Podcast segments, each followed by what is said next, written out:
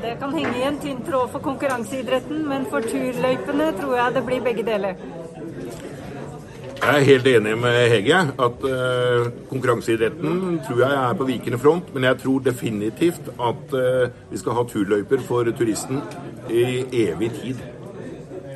Jeg går da mot uh, disse her to og så sier jeg at på konkurranseidretten så vil klassisk bestå på lik linje som skøytinga.